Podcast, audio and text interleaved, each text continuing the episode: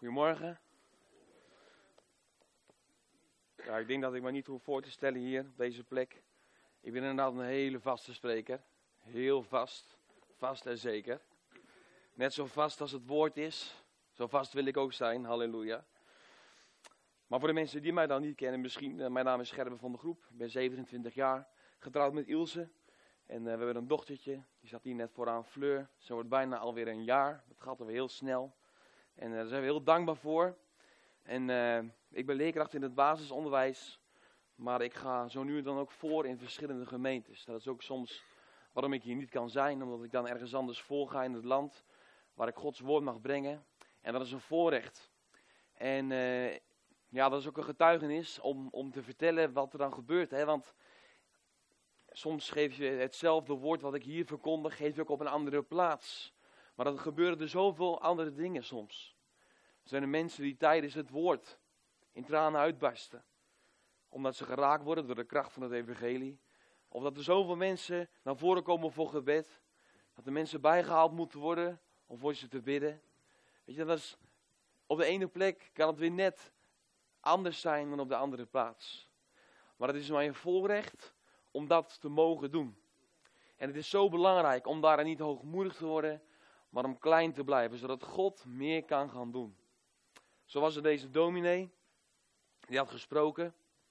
En na de dienst kwam een jonge man naar hem toe en die zei, dominee, u bent nog slimmer dan Einstein. En deze dominee zei, nou, van waar deze eer? Van waar deze eer? En deze jongeman die zei, nou, van Einstein zeggen ze dat hij zo slim was, dat maar tien mensen hem begrepen. Maar van uw preek begreep helemaal niemand wat. Ik hoop niet dat dat het geval is deze ochtend. Ik kom net terug van een heerlijk weekje Tessel. Met uh, mijn schoonouders en uh, de hele, hele familie erbij. Heerlijk, dan kom je tot rust. En dat is ook het thema waar ik deze morgen over wil spreken. Binnengaan in de rust van God. Binnengaan in zijn rust. En we hebben het net gezongen. Hij brengt mij tot rust en hij geeft nieuwe kracht. Vond ik zo bijzonder. Hij brengt mij tot rust en hij geeft nieuwe kracht. En ik weet niet hoe u hier zit deze morgen, maar ik heb heel veel momenten in mijn leven, heel veel periodes, dat ik die rust niet ervaar. Omdat ik zo in de drukte ben, zo in de drukte van deze maatschappij, van dit leven, dat ik heel moeilijk tot rust kan komen. Sterker nog, ik zet heel vaak muziek op, dat is voor mij ontspannend, maar eigenlijk is het geen rust. Vaak vinden wij stilte vinden wij heel eng. De echte rust, als het echt stil is, vinden wij eng. Mijn vrouw, vanmorgen was ik in de badkamer en was ik me aan het scheren. En dan heb ik muziek opstaan. Op mijn telefoon. En dan komt mijn vrouw binnen en die zegt, ja, het was inderdaad ook al maar vijf minuten stil. Je hebt alweer muziek opgezet. Maar hoe kun je binnengaan in de rust van God? Dat is waar ik over wil spreken deze morgen. Dat is wat God deze week op mijn hart gelegd heeft. De innerlijke rust. Wat is dat eigenlijk, innerlijke rust? Als je dat zou googlen of in het woordenboek zou zoeken, innerlijke rust, dan kom je op een innerlijke tevredenheid en kalmte. Tevredenheid en kalmte. Ervaar je dat in je leven, dat je van binnen tevreden bent, dat je kalm bent, dat je van nature een rustig persoon bent, dat je in de rust bent. Misschien ken je dat wel, dat je voortdurend denkt, ik heb vakantie nodig. En als je dan van vakantie terug bent gekomen, dan zeg je, ik heb vakantie nodig om bij te komen van mijn vakantie. Vooral als je kleine kinderen hebt, dan is dat misschien wel herkenbaar. Het Griekse woord voor rust, dat is een moeilijk woord, ik kan het bijna niet uitspreken, katapao of zo. En dat betekent hemelse zegening waarin God is.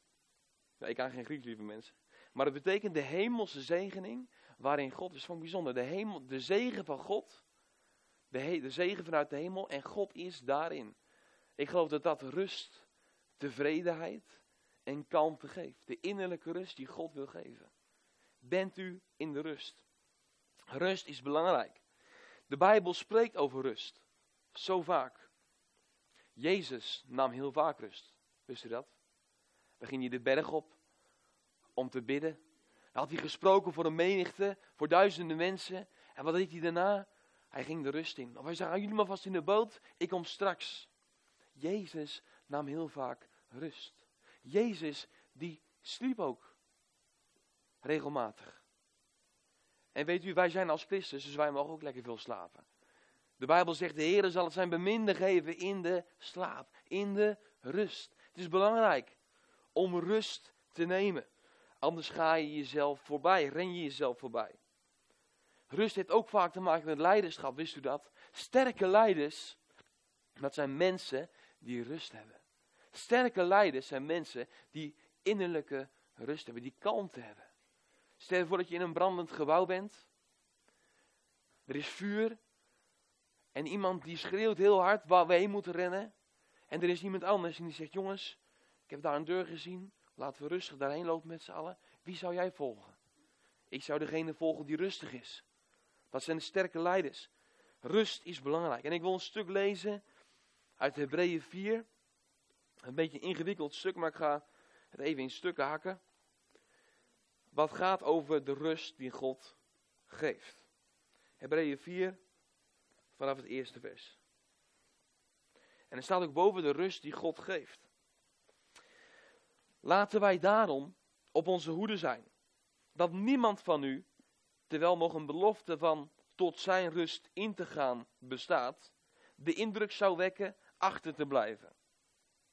Want ook ons is het evangelie verkondigd, evenals hun, maar het woord der prediking was hun niet van nut, omdat het niet met geloof gepaard ging bij hen die het hoorden. Want wij gaan tot de rust in, wij die tot geloof gekomen zijn. Zoals hij gesproken heeft, gelijk ik gezworen heb in mijn toren, nooit zullen zij tot mijn rust ingaan. En toch waren zijn werken van de grondlegging der wereld afgereed. Even tot zover de eerste drie versen. De Hebreeënbrief, waarschijnlijk geschreven door de apostel Paulus. Hij schrijft hier dus dat het belangrijk is dat wij in de rust ingaan van God. En hij schrijft ook dat die rust gepaard gaat met geloof. Zonder te geloven in het evangelie, zonder te geloven wie God is en wat Hij voor ons heeft gedaan, missen we dus de rust van God. Ik herken dat in dit leven bij mensen die God niet kennen. Dan zie ik vaak heel veel onrust, heel veel innerlijke onrust. Want die mensen die zoeken en die zoeken naar rust, die zoeken naar liefde, maar ze vinden het niet. En hun zoektocht is, is onrustig en ze komen niet tot rust omdat ze maar blijven zoeken. Maar wij, zegt apostel Paulus waarschijnlijk, wij die geloven, die gehoord hebben van het evangelie, wij zijn binnengegaan in zijn rust. En laten we dus niet achterblijven door dat niet te geloven. Vers 4. Want hij heeft ergens van de zevende dag al dus gesproken. En God rustte op de zevende dag van al zijn werken. En hier wederom, nooit zullen zij tot mijn rust ingaan. Aangezien nog te wachten is dat sommigen tot die rust zullen ingaan, en zij die het evangelie eerst ontvangen hebben, niet ingegaan zijn wegens hun ongehoorzaamheid, stelt hij wederom een dag vast, heden, als hij door David na zo'n lange tijd spreekt, zoals boven gezegd werd. Heden, indien gij, gij zijn stem hoort, verhard uw harten niet. Want indien Jozua hen in de rust gebracht had, zou hij niet meer over een andere latere dag gesproken hebben. Er blijft dus een sabbatsrust voor het volk van God. Want wie tot zijn rust is ingegaan, is ook zelf tot rust gekomen van zijn werken, evenals God van de zijne. Tot zover. Een ingewikkeld stuk. Je zou kunnen zeggen dat hier gesproken wordt over de sabbatsrust, over het de dag rust nemen in de week. De zondag voor ons is dat dan, hè? Of je zou kunnen zeggen, het gaat over tot rust komen. Over binnengaan in zijn rust. Maar wat voor mij duidelijk is uit dit stuk, is dat wij tot rust gekomen zijn van onze werken, zegt de Bijbel. Wat betekent dat? Dat we nooit meer hoeven werken? Dat zou eerlijk zijn misschien. Nee, de Bijbel spreekt over het juk van de wet.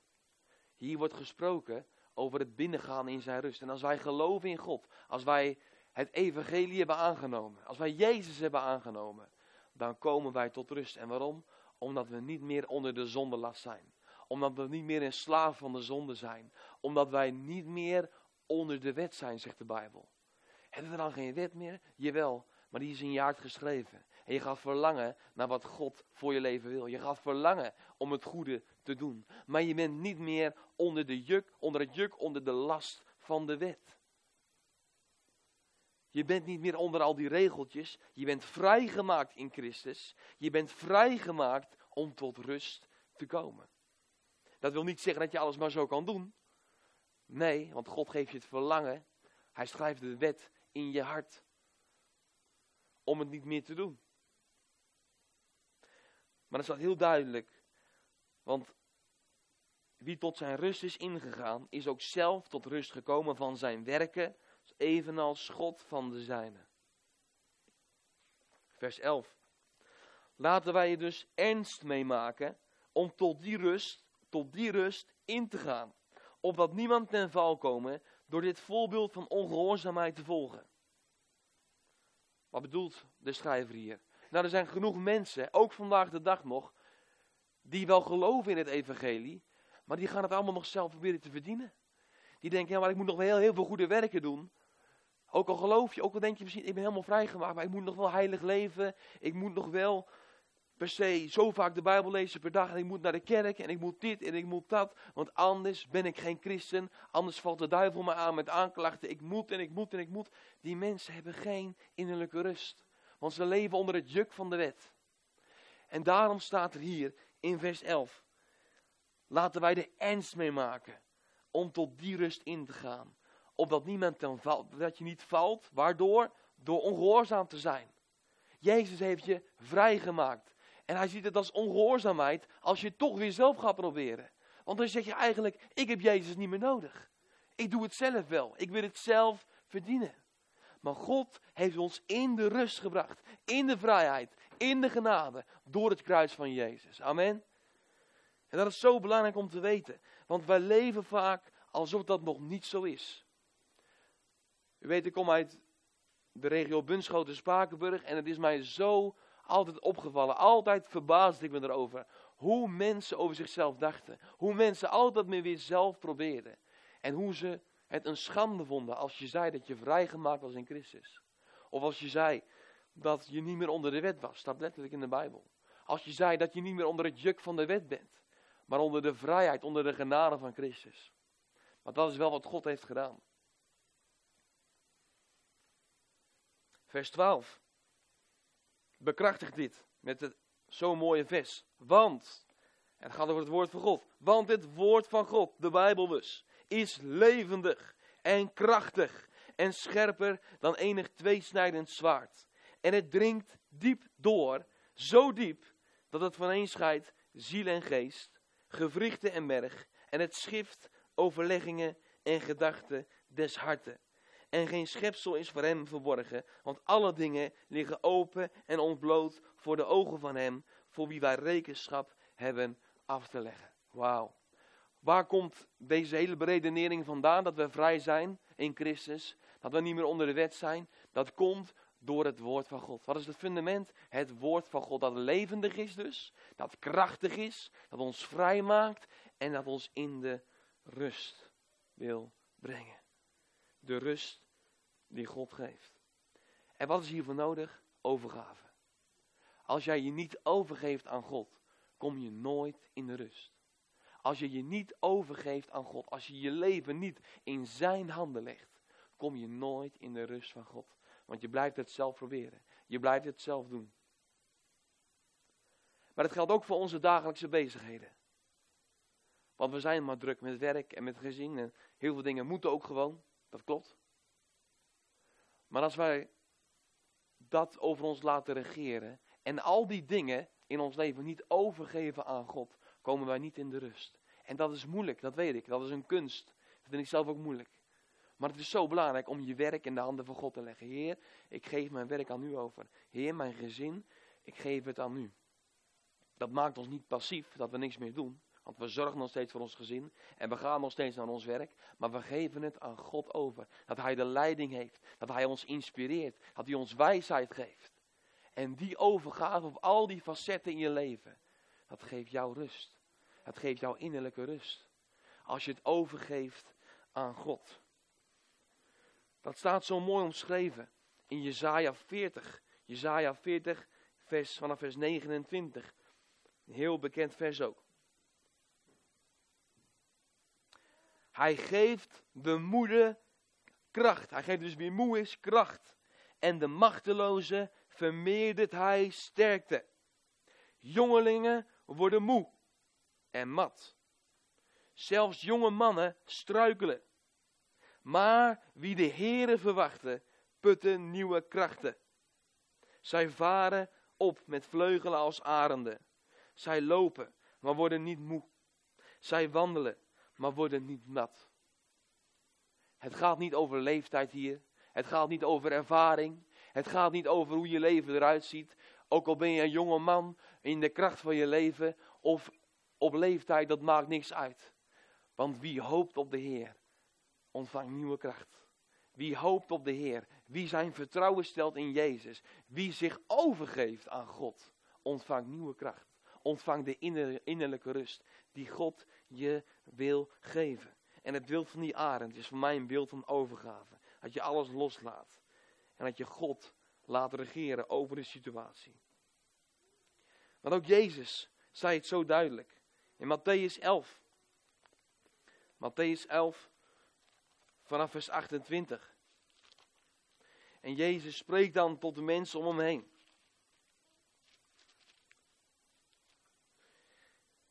Matthäus 11, vers 28. En dan zegt hij deze prachtige woorden.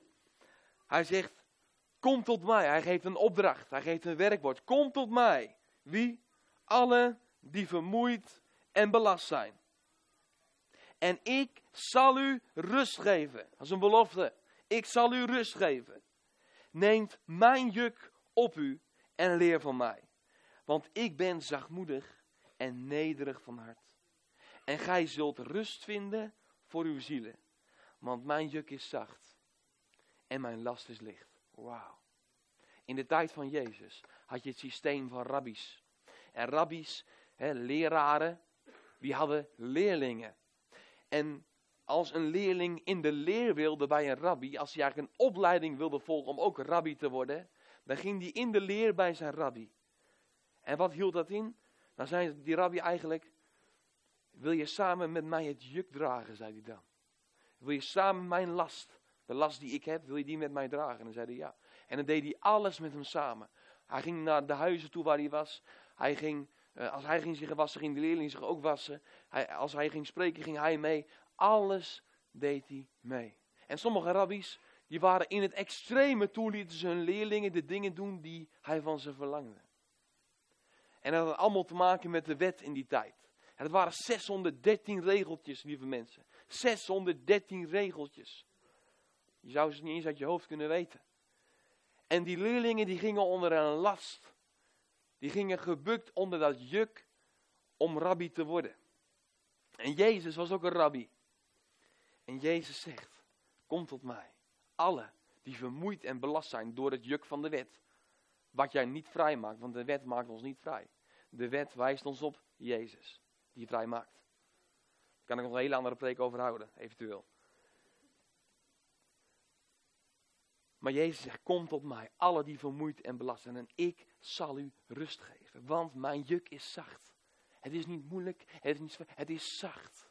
En mijn last is licht. Want ik heb al zoveel voor je gedragen. Ik heb het kruis voor je gedragen. Ik heb je vrijgemaakt. Het enige wat ik van je vraag is, kom met me samenlopen. Volg mij. En doe wat ik zeg. Dat is wat Jezus zegt. Wauw. Jezus maakt ons vrij. Jezus was voortdurend in de rust. Jezus sliep. Jezus deed lekker soms even een dutje. Zo kennen we dat bekende verhaal uit Marcus 4. Waar Jezus in de boot is met zijn discipelen. We gaan het lezen. Marcus 4 vanaf vers 35. Na Matthäus volgt Marcus. Dat is een bijzonder verhaal. Wat er eigenlijk gebeurt. Matthäus 4 vanaf vers 35. Gaat over de storm op het meer. Mijn ouders zijn uh, momenteel in Israël. En ook zij zijn bij het meer van Galilea geweest. En ik ben benieuwd wat ze er nog over gaan vertellen. Maar uh, ook dit gebeurt daar. En hij zeide, vers 35, tot hen op die dag, toen het laat geworden was, laten wij oversteken naar de overkant. En zij lieten de schade achter en namen hem, zoals hij was, in het schip mee. En er waren andere schepen bij hem. En er stak een zware stormwind op. En de golven sloegen in het schip, zodat het schip reeds vol liep. Maar hij zelf lag op het achterschip tegen het kussen heerlijk te slapen. En ze maakten hem wakker. En ze zeiden tot hem: Meester, trekt gij er u niets van aan dat wij vergaan? En hij, wakker geworden, bestrafte de wind en zeide tot de zee: Zwijg, wees stil. En de wind ging liggen en het werd volkomen stil. En hij zeide tot hen: Waarom zijt gij zo bevreesd? Hoe hebt gij geen geloof? En zij werden bovenmate bevreesd en zeiden tot, tot elkaar: Wie is toch deze man? Dat ook de wind en de zee hem gehoorzaam zijn. Wat een bijzonder verhaal. Jezus is in de boot met vissers. Vissers die zouden toch niet bang moeten zijn voor de zee. Maar weet u, die vissers die konden helemaal niet zwemmen. Dat was helemaal niet geen deel van hun opleiding of training. En als er zo'n woeste zee was, met al die golven, dan waren ze bang. Dan waren ze bevreesd. Van de week waren we op Texel we liepen regelmatig langs het strand. En ik vond die golf al hoog. Kun je nagaan op dat meer van Galilea, als de wind onder dat lage meer komt. Wat er dan gebeurt. Tussen de bergen in. En de discipelen zijn bang. Er was angst. En wat doet Jezus? Jezus ligt heerlijk te slapen. Op het achter, achterdek. En ik heb een, uh, een, uh, schilderij dat ik laten zien. Dat is het schilderij van Rembrandt. Misschien kent u dat wel. Dat is het schilderij van de storm op het meer. Dat heeft hij geschilderd in 1663. En uh, niemand weet waar het is, want in 1990 is het gestolen uit een museum. Maar het is een van, een van zijn bekendste werken. U kent Rembrandt natuurlijk van de Nachtwacht, onze eigen Nederlandse schilder. Maar ook dit schilderij is van hem, De Storm op het Meer. En uh, hij heeft dat prachtig uh, af, afge, afgebeeld, heeft hij dat. En uh, ik heb laatst iets, iets gelezen over, over dit schilderij en dat wil ik graag met u delen. Want er zijn verschillende karakters eigenlijk op dit schip. Hoe zij omgaan met de drukte van het leven, met de storm op het meer. Hoe vind je de rust? Hoe? En als ik naar dat schilderij dan zie ik verschillende dingen. En ik loop er even naartoe. Ik, ik, ik zie bijvoorbeeld uh, deze man hier op het, uh, aan de voorkant, vlakbij Jezus, want dit is Jezus. Dat zou Judas kunnen zijn. Judas aan het roer. Hij denkt dat hij alles onder controle heeft. Maar dus niet. Er is een touw om zijn nek. Dat heeft Rembrandt zo geschilderd. Hij denkt dat hij alles onder controle heeft, maar in werkelijkheid weet helemaal niet achter de rug van Jezus om waar hij eigenlijk mee bezig is. Hij maakt de verkeerde keuzes. Hij heeft het roer vast. Hij neemt het heft in eigen handen. Maar hij maakt de verkeerde keuzes. Dan hier op het voordek zien we veel licht, zien we mensen die eigenlijk de storm proberen eh, te stillen. Die alles proberen te doen om de storm de baas te zijn. Herkent u dat? Dat u alles probeert, daar zit Jezus achterin, maar probeert zelf om alles te doen om, om, om het voor elkaar te krijgen. Uit de mensen die zich vastklampen aan de wet bijvoorbeeld. Hè? Die alles doen, elkaar helpen. Je moet dit, je moet dit zo, je moet die touwen zo hangen. Je moet die zeilen inhalen. En die oude man daar zo, dat zou Petrus kunnen zijn. Gezien zijn uh, oudere leeftijd. Misschien, misschien voel je je soms wel als deze man. Die staat over te geven hier op het schip. Dat je, dat je het gewoon niet meer aan kan. Dat je moedeloos bent. Dat je afgebrand bent van de drukte.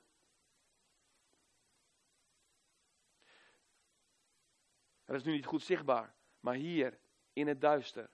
Als je moet je maar eens een keer thuis opzoeken. Dan zie je ook een gezicht. En sommige mensen zeggen dat dat de, de, de, de duivel, de boze is. En dat is zo'n contrast. Want de duivel begeeft zich in het licht. De duivel brengt duisternis bij het licht. En Jezus brengt licht in het stukje waar duisternis is. Dus ook de duivel is aanwezig als er een storm is. Dan zien we hier mensen die Jezus bestraffen.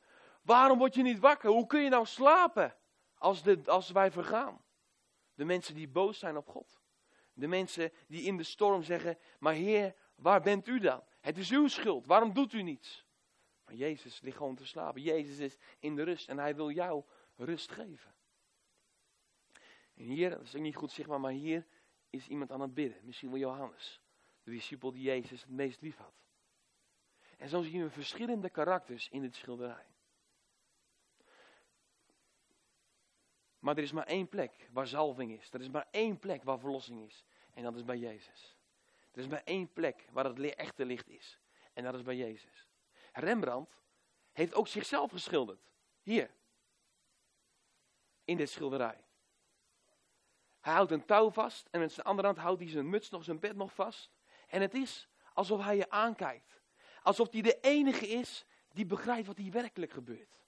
Alsof hij wil zeggen, kom maar bij, kom maar, stap maar in de boot. Want Jezus is hier.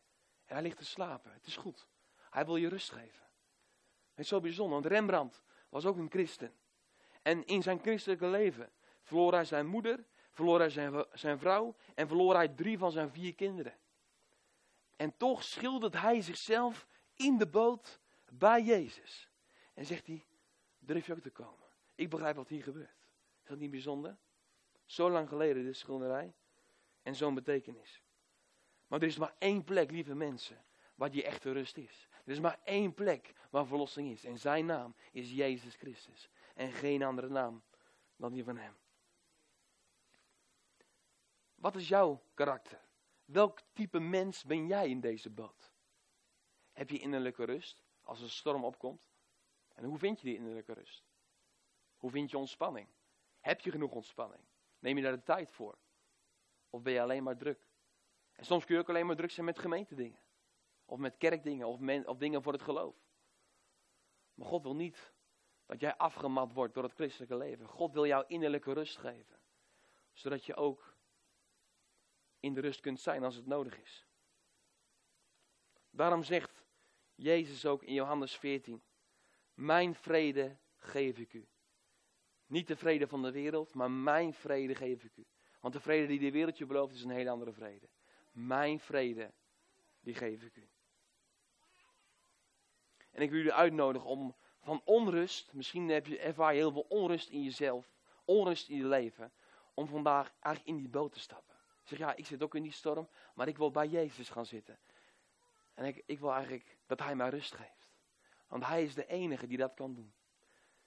Als je op innerlijke rust gaat googlen op, op internet, dan vind je yoga en meditatie. En je kan van allerlei occulte dingen kun je gaan zoeken. Maar er is maar één persoon die werkelijke rust geeft. En zijn naam is Jezus. Ik wil graag met u in gebed gaan. En als u ervaart, ja, dit gaat ook over mij. Ik, ik heb, ervaar zoveel onrust in mijn leven en ik heb rust nodig. Zou u dan eens willen gaan staan? Zeg, ja, dit gaat over mij. Ik heb rust nodig. Ik ervaar zoveel onrust. Zou je dan willen gaan staan? Dat je vandaag uitdagen om in de boot te stappen, om bij Jezus te gaan zitten of te gaan liggen. Heer, ik wil bij u slapen. Ik heb u nodig. Heer, raak mij aan. En het kunnen momenten in je leven zijn, en misschien is dit een moment dat je in die, in die onrust zit. En dat je maar niet tot rust kan komen. Laten we gaan bidden. Vader, dank u wel. Dank u wel voor wie u bent. Dank u wel voor uw goedheid.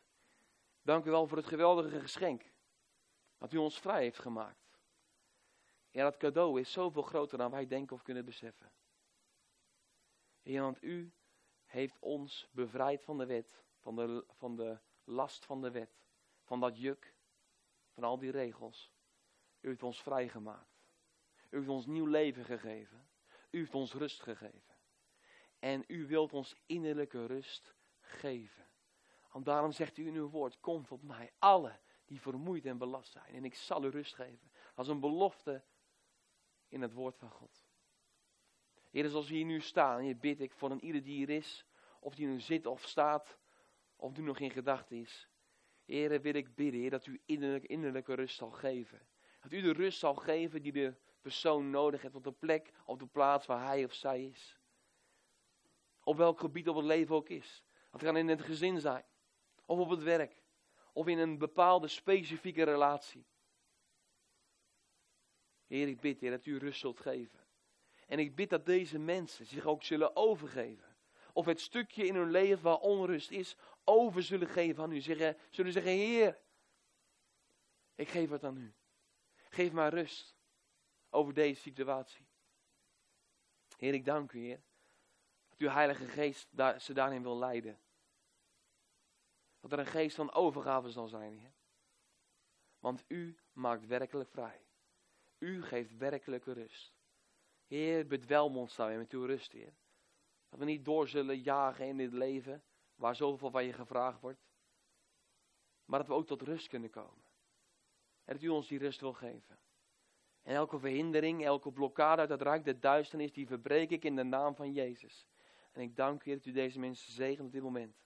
Met uw rust. In Jezus' naam. Amen.